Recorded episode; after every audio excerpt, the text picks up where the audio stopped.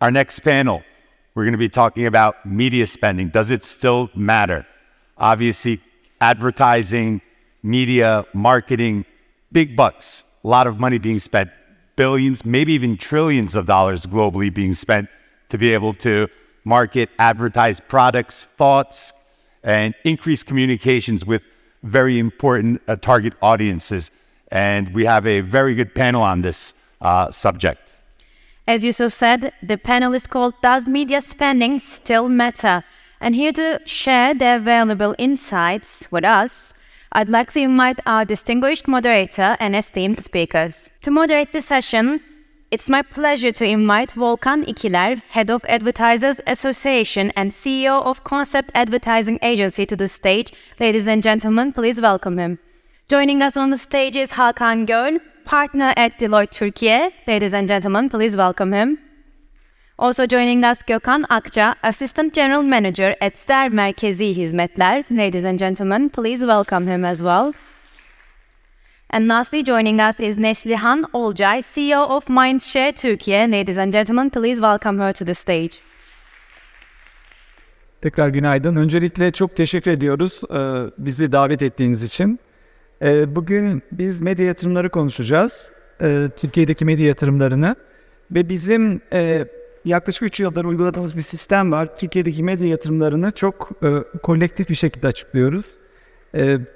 Yaklaşık 7 tane dernek bir araya gelerek sonuçları ortaya koyuyoruz.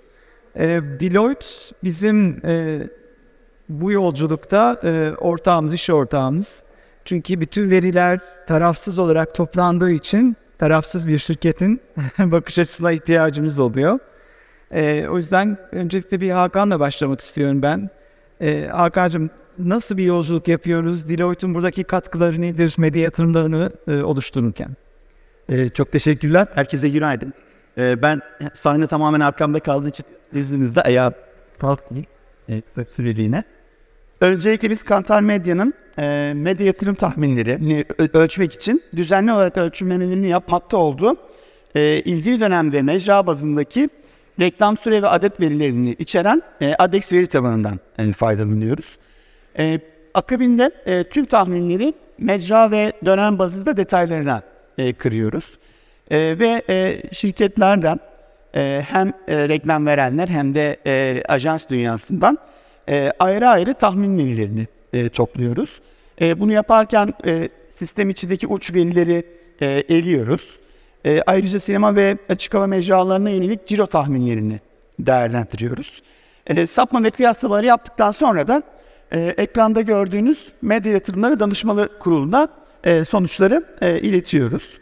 E, medya yatırımları danışma kurulunda da hem e, az önce Volkan Bey bahsettiği e, Reklamcılar Derneği, Reklam Verenler Derneği, İnteraktif Reklamcılık Derneği, Açık Hava Reklamcıları Vakfı, e, Ulusal Radyo Yayıncıları Derneği, Mobil Mecralar Araştırma Pazarlama ve Reklamcılık Derneği üyelerinden ve temsilcilerinden e, oluşuyor. Bu e, çalışma kapsamında ortaya koyduğumuz verileri de rütük verileri, sektör oyuncuları e, ve derneklerle yapılan görüşmeler göz önünde bulundurarak e, kontrol ediyoruz ve e, sonuçları daha sonra açıklıyoruz. Bu tabi dijital hariç tüm e, mecraları içeriyor. E, dijital tarafta ise e, öncelikle Hazine ve Maliye Bakanlığı'nın e, Merkezi Yönetim Mali İstatistikleri Bülteninden e, faydalanıyoruz. E, biliyorsunuz burada dijital hizmetler vergisi e, gündemimizde ve e, 2021 ilk 6 aylık e, sonuçlara e, bak, baktık. E, burada da 6 ayda tahsil edilen toplam dijital hizmetler vergisi e, 1 milyar 186 milyon TL olarak gerçekleşti. %7,5 ee, olarak uygulanan dijital hizmetler vergisine konu olan toplam e, büyüklüğünde 15,8 milyar TL olduğunu e, görüyoruz.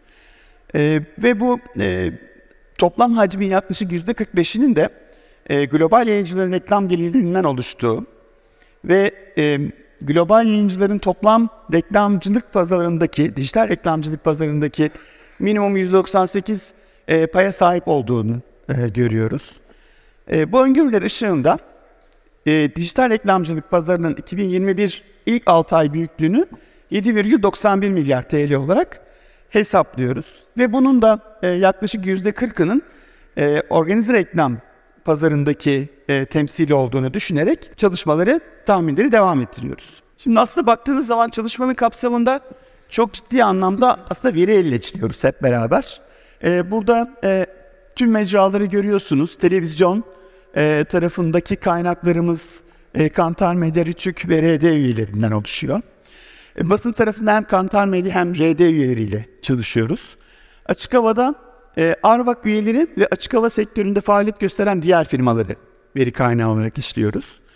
Radyo tarafında Kantar Medya Rütük, RD üyeleri ve diğer radyo ajanslarının verilerini e, işliyoruz.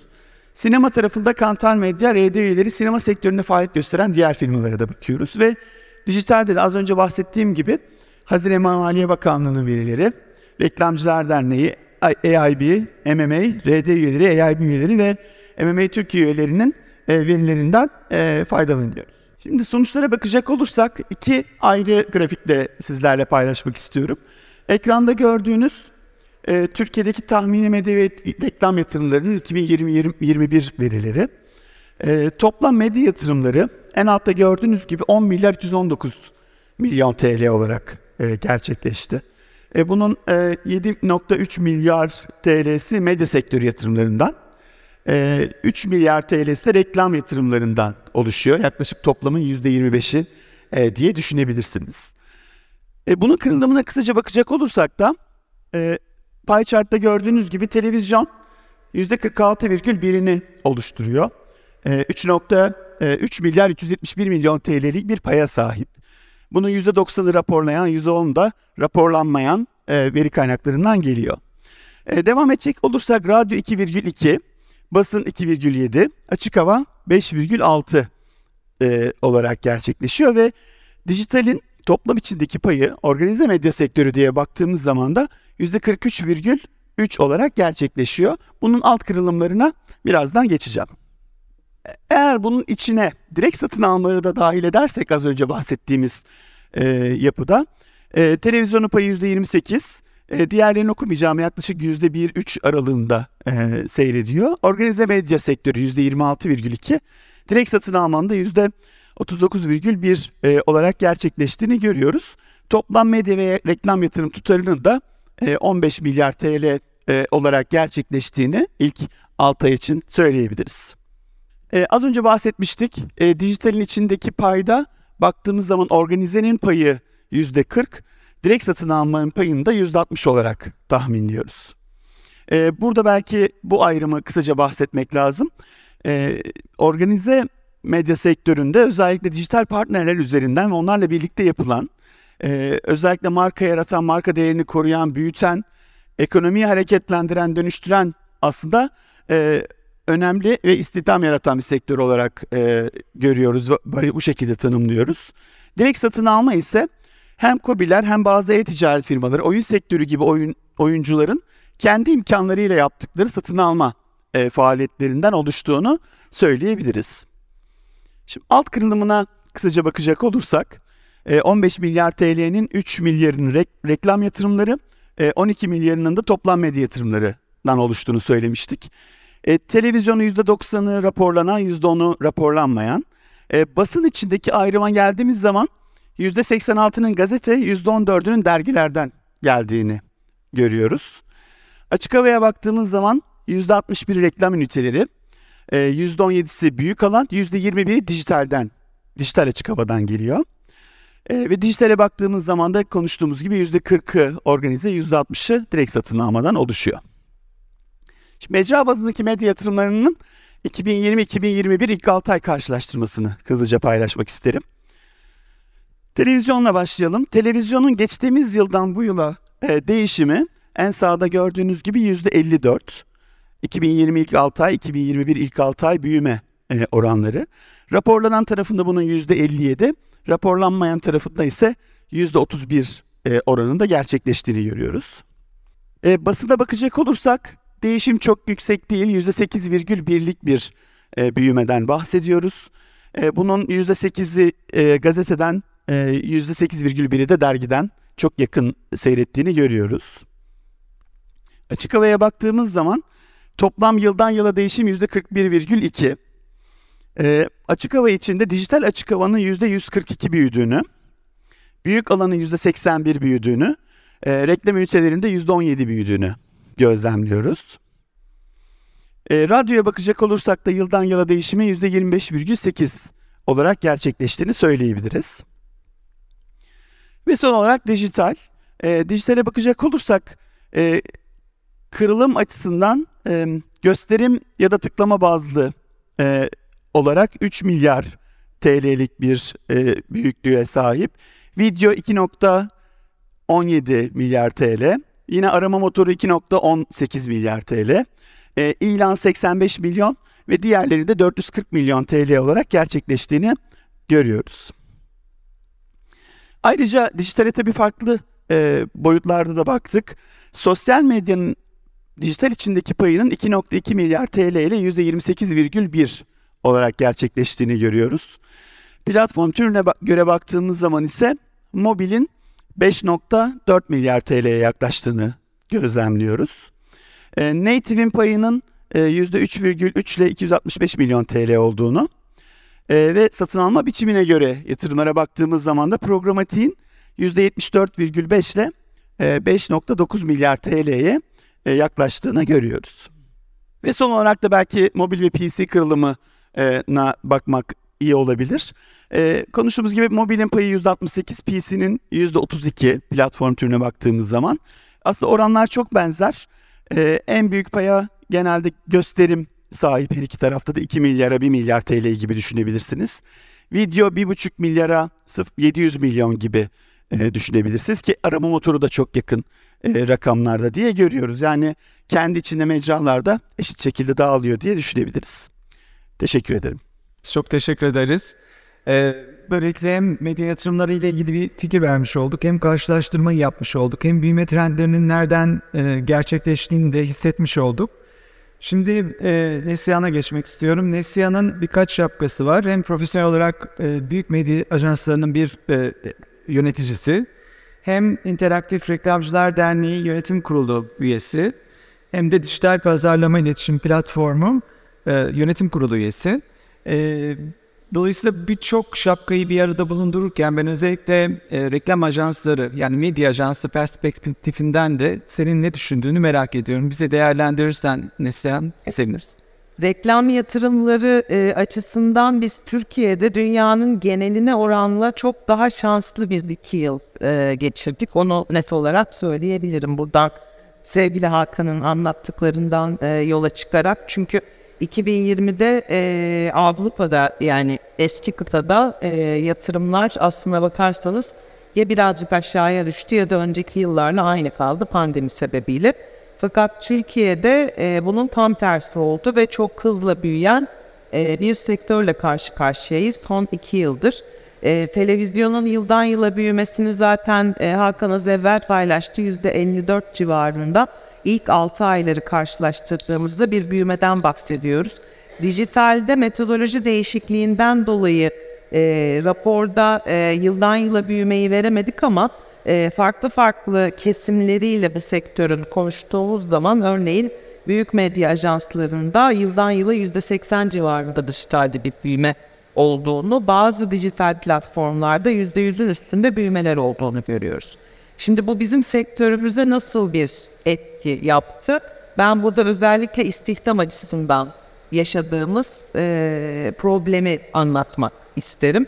E, aslına bakarsanız bizim sektörümüzün e, insan kaynağına yönelik sıkıntıları pandemi öncesinde ve bu büyüme öncesinde zaten başlamıştı. Niye? Çünkü biz ağırlıklı iletişim fakültelerinden e, öğrenci alan, e, istihdam gerçekleştiren bir sektörken dijitalin toplam yatırımlar içerisindeki payının artmasıyla farklı farklı fakültelerden de e, öğrenci alma ve e, insan kaynağımızı genişletme ihtiyacıyla karşılaştık.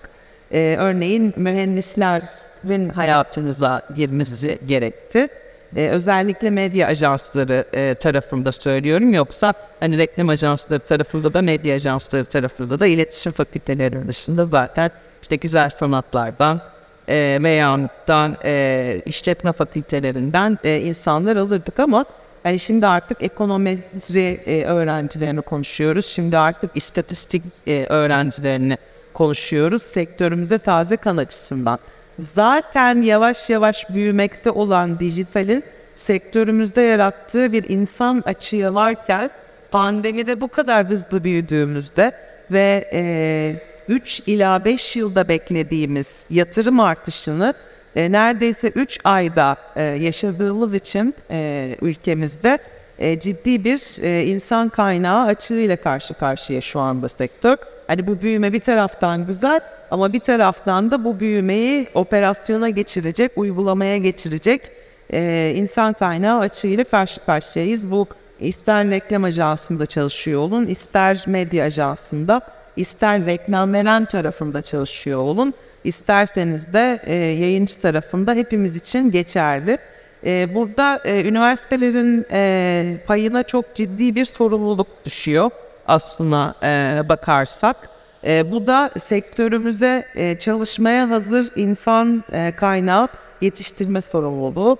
Bu da ne demek? Uygulamaya daha ağırlık veren bir müfredatın gelmesi gerekiyor. Sadece iletişim fakülteleri için değil, biraz önce bahsettiğim bizim sektörde çalışabilecek diğer e, fakültelerde okuyan, e, bölümlerde okuyan arkadaşlarımız için de bu geçerli.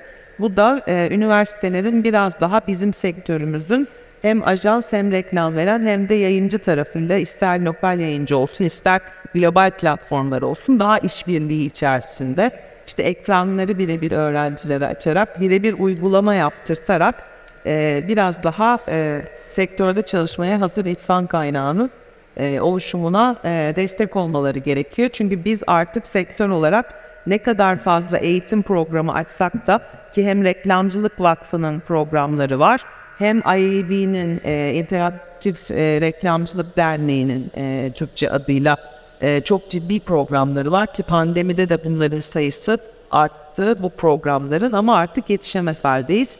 Dolayısıyla da e, o istihdamın yani burada bu sektörde iş var e, onu demeye çalışıyorum ama işe başlatacak e, insan kaynağı açısından da e, hakikaten e, desteğe ihtiyacımız olduğunu düşünüyorum. Dolayısıyla önemli mesajlardan biri e, eğitim sisteminin hem çeşitlenmesi sektör adına hem de bunun güncellenmesi. Çünkü pandeminin bize öğrettiği en önemli mesaj hepimiz için bir güncelleme, bu transformasyon denen konu. Dijital transformasyon diyoruz ama dijital transformasyonun çok ciddi başka etkileri oluyor. Aynı e, konu reklam veren için de geçerli. Bunu dile getirmen çok güzel. Çünkü endüstri için e, farklı bir şeyleri yapmak çok önemli. O zaman altını çizerek birinci mesajımız olarak değil mi eğitim diyoruz. Eğitimin güncellenmesi ve bunun için de bizlerin hem e, dernek ders çatısı altında hem de vakıf çatısı altında yardıma, desteğe, bilgimizi paylaşmaya hazır olduğumuzu iletiyoruz.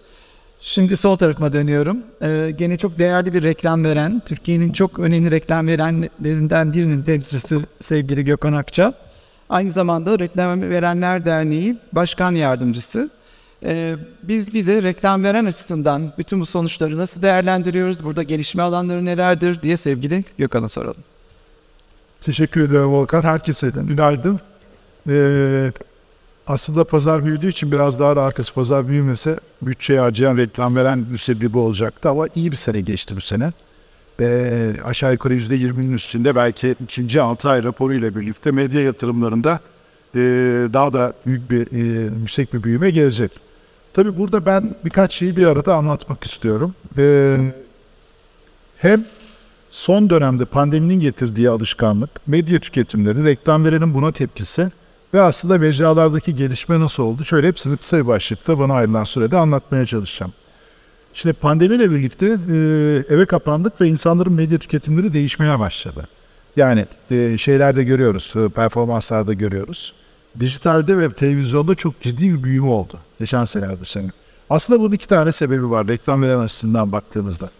Her ne kadar e, dijital bir tüketim mecrası olsa da yani hem içeriği tüketirken diğer taraftan insanların alışveriş yaptığı bir mecra olmasına rağmen aslında televizyon kullanımı e-ticaretçiler yani dijitalden para kazanan herkes için televizyon tarafındaki harcamaların arttığını gözlemlemeye başladık. Reklamlar açısından bunun iki tane sebebi var. Eğer geniş bir kitleye ulaşmak istiyorsanız televizyon her zaman avantajlı, maliyeti daha düşük ve bilinirliği çok çabuk yaydığınız bir mecra. Dijitalde aslında bunun tamamlayıcı kısmı e, direkt olarak sıcak satış yapabil- yapabildiği bir yer ve müşteriyi yakaladığı bir yer. Reklamların açısından baktığınızda aslında tüketicinin ayak izi nereden nereye gidiyor? Tüketici neleri tüketiyor ve nerede ona bir şeyler gösterip e, şey sağlayabilirsiniz, etkileşim sağlayabilirsiniz. Bu açıdan baktığınızda aslında her ne kadar pazar büyüyor olsa da çok homojen bir büyüme olmadığını görmek de mümkün. Yani özellikle e, dönemin de etkisiyle radyo, e, açık hava, sinema ve gazete e, büyüme gösterse bile aldığı paylar biraz düştü. Bunun da iki tane sebebi var. E, pandemi dönemiyle eve kapandık. Sokaklar boş kalınca açık hava reklamlarına ilgi azaldı. Açık hava açık havanın etkinliği azaldı. Dolayısıyla medya yatırımları orada düşmeye başladı. Radyo ilginçtir. Radyo hep arabada mı dinlenir, evde mi dinlenir tartışması başladı. Fakat bu dönemde görüldü ki radyo artık tüm reklam verinin eee, kullanması gereken bir mecra oldu. Çünkü erişimi çok yüksek. 24 saat yayın var eee, ve halen eee, kişi başına baktığınızda maliyeti oldukça kabul edilebilir düzeyde. Burada belki en büyük sıkıntı e, gazete tarafında görülüyor. Ben uzun süredir bu konuyu anlattığım için biraz da oraya takılmış durumdayım. Gazetelerin payı düşüyor. 85 milyonluk bir ülkeyiz. 1.7 milyon günlük tiraj olduğunu tahmin ediyoruz. Şimdi 85 milyona karşı 1.7 milyon tiraj. Ee, 40'tan fazla da gazete var Türkiye'de. Takip edebildiğimiz kadarıyla yerel gazeteler hariç, ulusal yayın yapan gazeteler.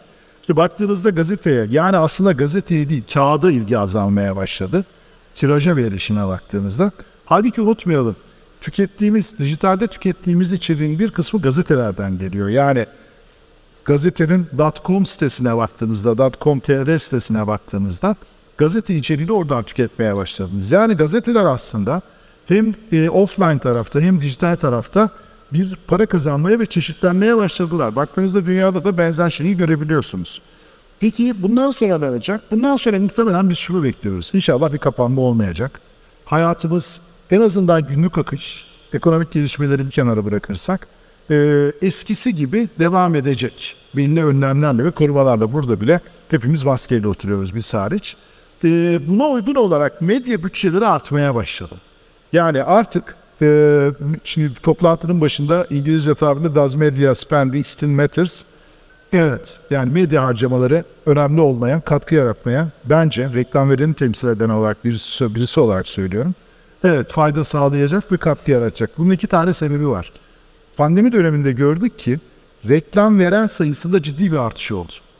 Yani yerel markalar bile mecralarda reklam veren olmaya başladı. Çünkü artık tüketici size gelmiyorsa sizin tüketiciye gitme zorunluluğunuz var. Bu zorunluluğu aşmanın tek yolu da medya kullanmak ve medyada reklam veren olmak.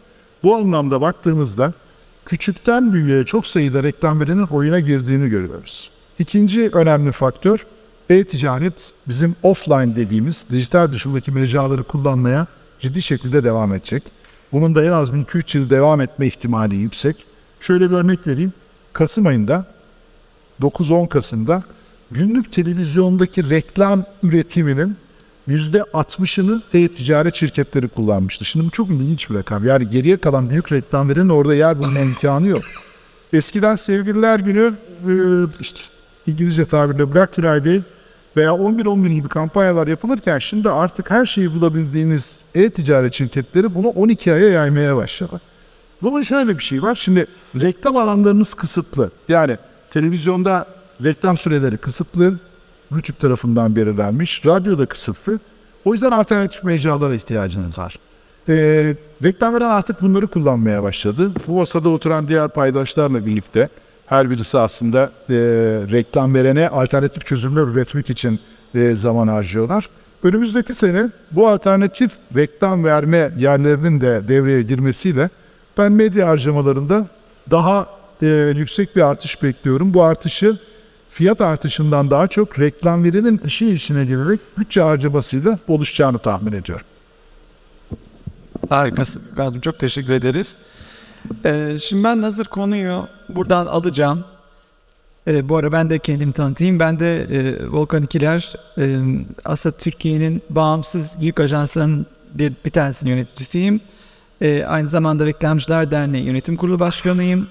Aynı zamanda DİPİP e, yani Dijital Pazarlama İletişim Platformu'nun e, yönetim kurulu başkan yardımcısıyım.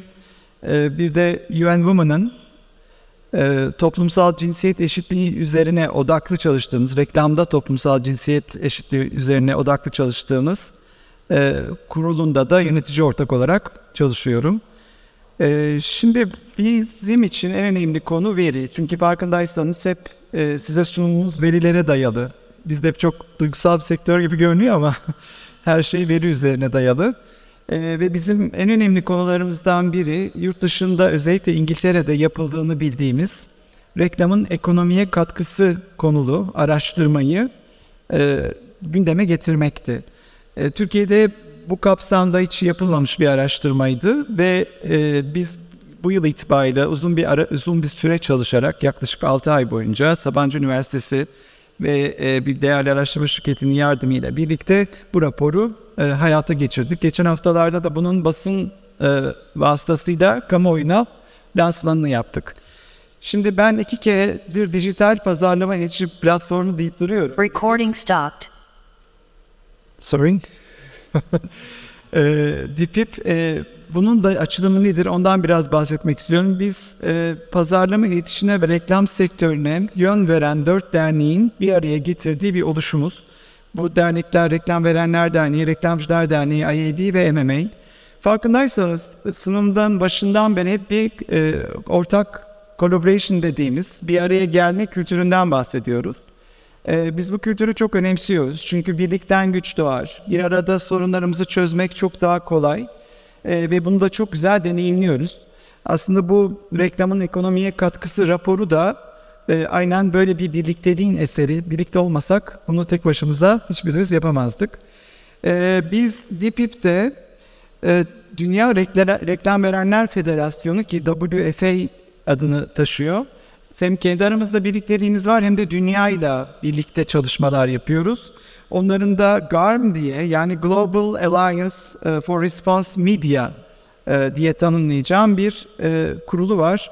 Bu kurul da bizim gene birlikte çalıştığımız kurul. Çünkü niye? Dijital iletişim, pazarlama iletişiminin gelişimiyle birlikte teknolojinin hayatımıza birçok terminolojiler girdi.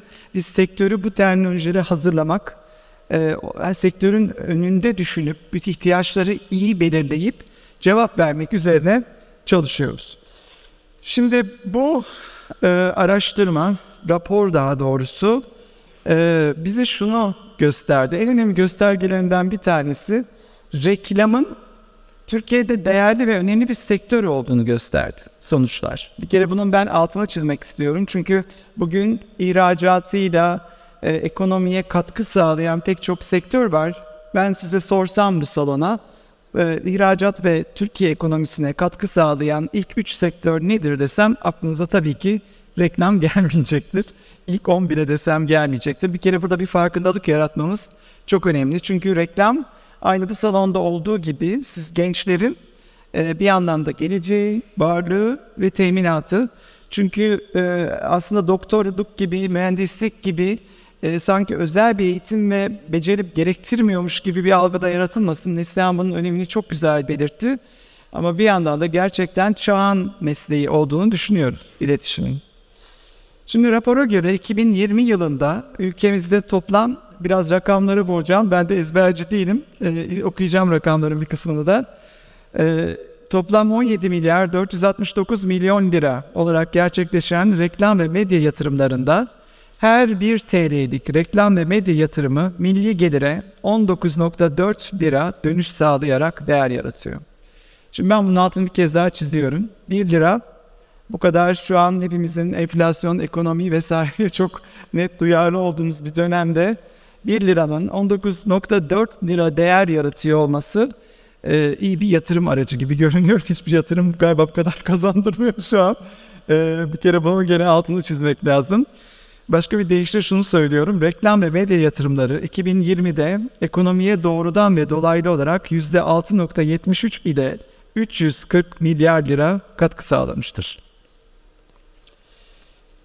Yine bu rapor sayesinde mevcut ekonomik büyüklükten ve makroekonomik beklentilerden etkilenen reklam sektörü ile ekonomik büyüme arasındaki etkileşimin çift taraflı olduğu ispatlanmıştır. Bunu ne demek istiyorum? Daha açık bir deyişle ekonomi büyüse reklam sektörü, reklam sektörü de büyürse ekonomi büyüyor. Modelleme verilerine göre Türkiye'de reklam ve medya yatırımlarının gayri safi yurt içi hasılaya katkısı bu sefer aralık vereceğim. 2012-2020 yılları arasında ortalama 6.24 olmuş ve yıllar içerisinde baktığımızda da bar sürekli yükselen bir trend izliyor. Yani bu bugün sevgili Deloitte'un, Neslihan'ın ve Gökhan'ın anlattığı gibi sadece medya yatırımlarının göstergesi değil, aynı zamanda istihdam için, ekonomik e, göstergeler için de çok önemli bir değer teşkil ediyor ve bu artan bir trendde. Şimdi istihdam. Çünkü en çok konulan biliyorsunuz konuşulan konulardan biri istihdam bugün ve yeni istihdam alanlarının açılması, mevcut gelişmeye müsait istihdam alanlarının genişletilmesi diye baktığımızda reklam sektörü gene çok cazip bir merkez görünüyor. Çünkü çok iyi biliyorsunuz belli istihdamların genişletilmesi için milyon dolarlık yatırımlar gerekiyor. Yani bugün üçüncü bir otomobil fabrikası açmak ya da ticari faaliyet gösteren e, bir takım markaların istihdamı genişletmek için çok büyük yatırım yapması lazım. Biz reklam sektöründe açıkçası insana yatırım yaparak, değer yaratarak, e, çünkü sizlerin zekası, aklı, yani ben sosyal medyadan her gün takip ediyorum. Özellikle Türkiye'de gençlerin çok yaratıcı olduğunu düşünüyorum. E, buldukları önermelerle çok ciddi güven veriyorlar. Ve düşünsenize e, yaratıcılığınızı kullanabileceğiniz bir meslek var. Yeteneğin ya da yaratıcılık üzerine olduğu ve bunun da istihdam yaratabildiğini düşünün.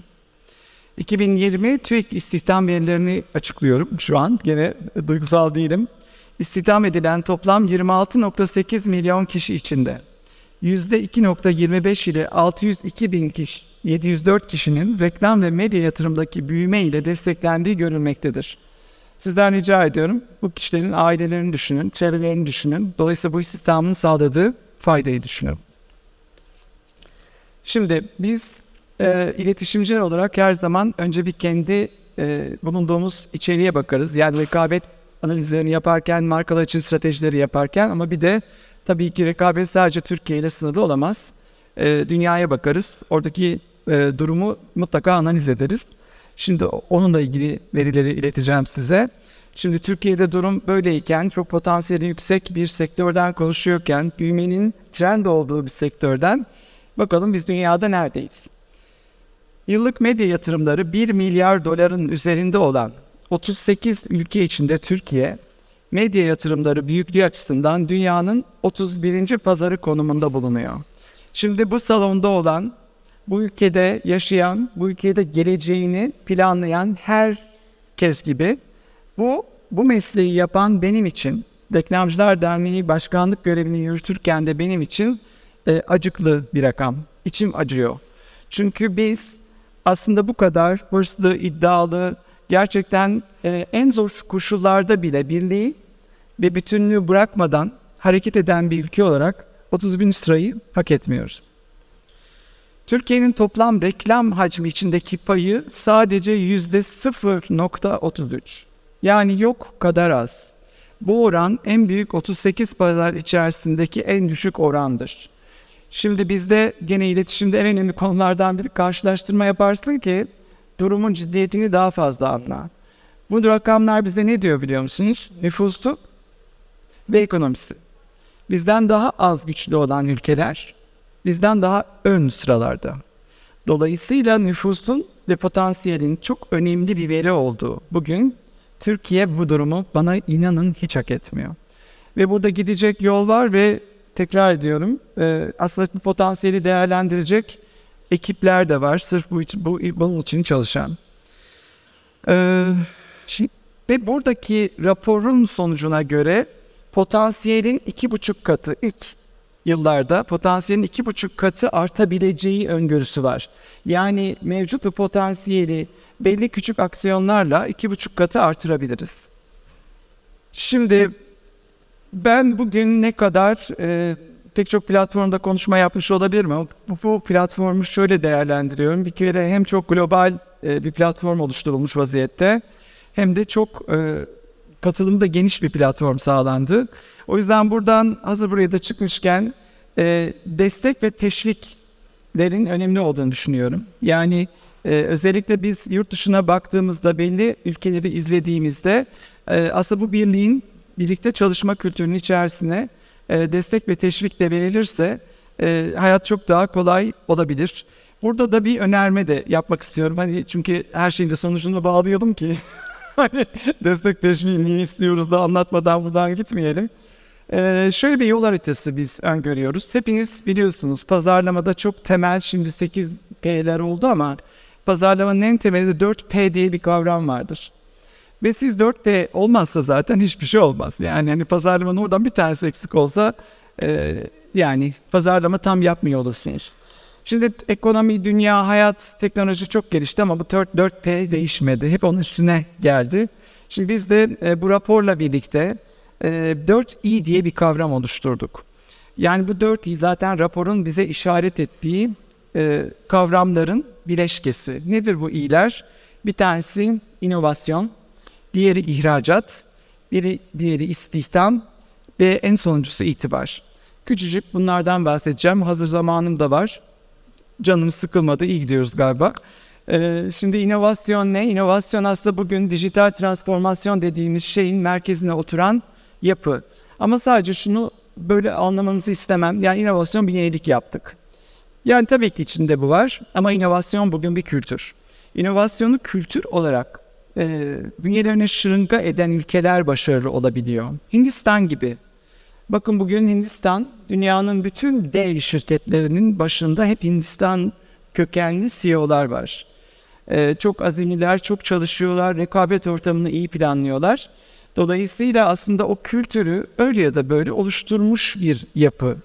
Burada inovasyon kültürü aslında markaların da içinde bulunduğu, ve iletişime de şöyle katkı sağlayan sizin inovatif bir fikriniz varsa zaten o reklam etmeye değer bir önerme haline geliyor. Ayrıca inovasyon gençlere istihdam sağlıyor, onların seslerinin duyulmasını sağlıyor. Bugün gençlerin en önemli konusu seslerini duyurmak. Ve inovasyon aslında yanıldım hay Allah 5 tane yaptım bitti değil. Belki 100 tane yapıp bir tanesi de başarılı olacak da bir konu. Yani yılmama, arkasında durma, peşinde koşma kültürünü de beraber getiriyor. Kültürden kastım bu. Dolayısıyla inovasyonla ilgili bugün hükümetimizin konuştuğu her konuda reklam iletişiminin, pazarlama iletişiminin mutlaka olması, temsil edilmesi ve burada da görüşlerinin bildirilmesi çok önemli diye düşünüyoruz. İhracat. Şimdi ihracat e, ne oldu hepimiz görüyoruz. En önemli şey hep konuşuyoruz. Türkiye bir hub olsa, hep hub her konuda bir hub olabilir. Ama iletişim konusundaki hap fırsatını kaçırmamamız gerektiğini düşünüyoruz.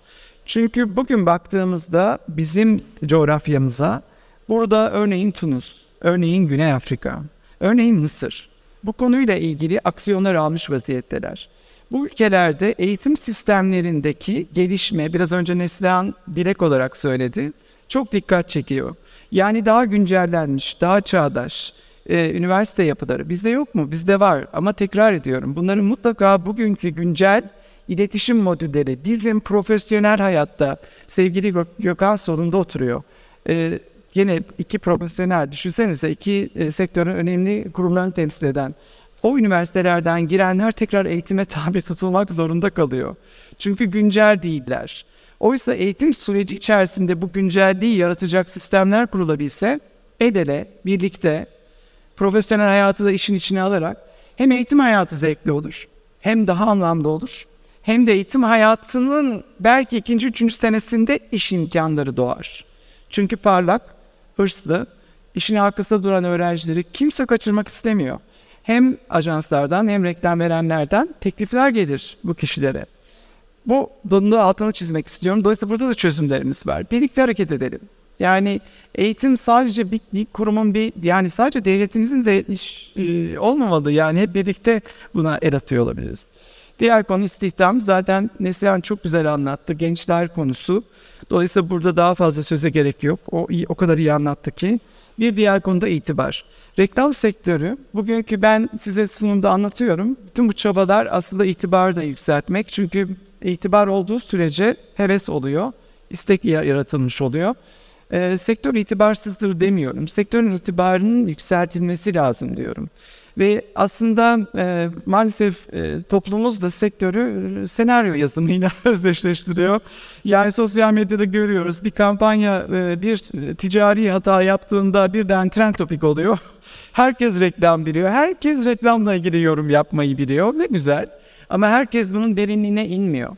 Yani bir yandan da bu sektörün derinleşmesi, e, derin bir sektör olduğu, veriye dayalı bir sektör olduğu ve çok ciddi bir ekosistem oldu. Bakın reklam sektörü dediğimizde biz burada reklam ajanslarını sadece temsil etmiyoruz aslında. Ekosistemi oluşturan prodüksiyon şirketleri, araştırma şirketleri, PR şirketleri, e, baktığınızda diziler bile e, bir yandan burayla ilişkileniyor. Medya burayla ilişkileniyor. Eğer bu yapı üretim yapmasa o reklam aralıklarına kim para yatıracak? Yani hangi içeriği vereceğiz daha doğrusu. Dolayısıyla çok büyük bir ekosistemiz. Bu ekosistemin gücünü iyi kavramamız, anlamamız lazım. Ee, son söz aslında e, biz böyle medya yatırımlarını açıklamaya e, ve bu ekonomi raporunu da açıklamaya devam edeceğiz. Yılmayacağız, durmayacağız. İnşallah bu sektörün e, ekonomimize olan katkısını, ülkemize olan katkısını daha fazla artırmak için elimizden gelen yapacağız. Çok çok teşekkür ediyorum ben. Ee, bizi dinlediğiniz için.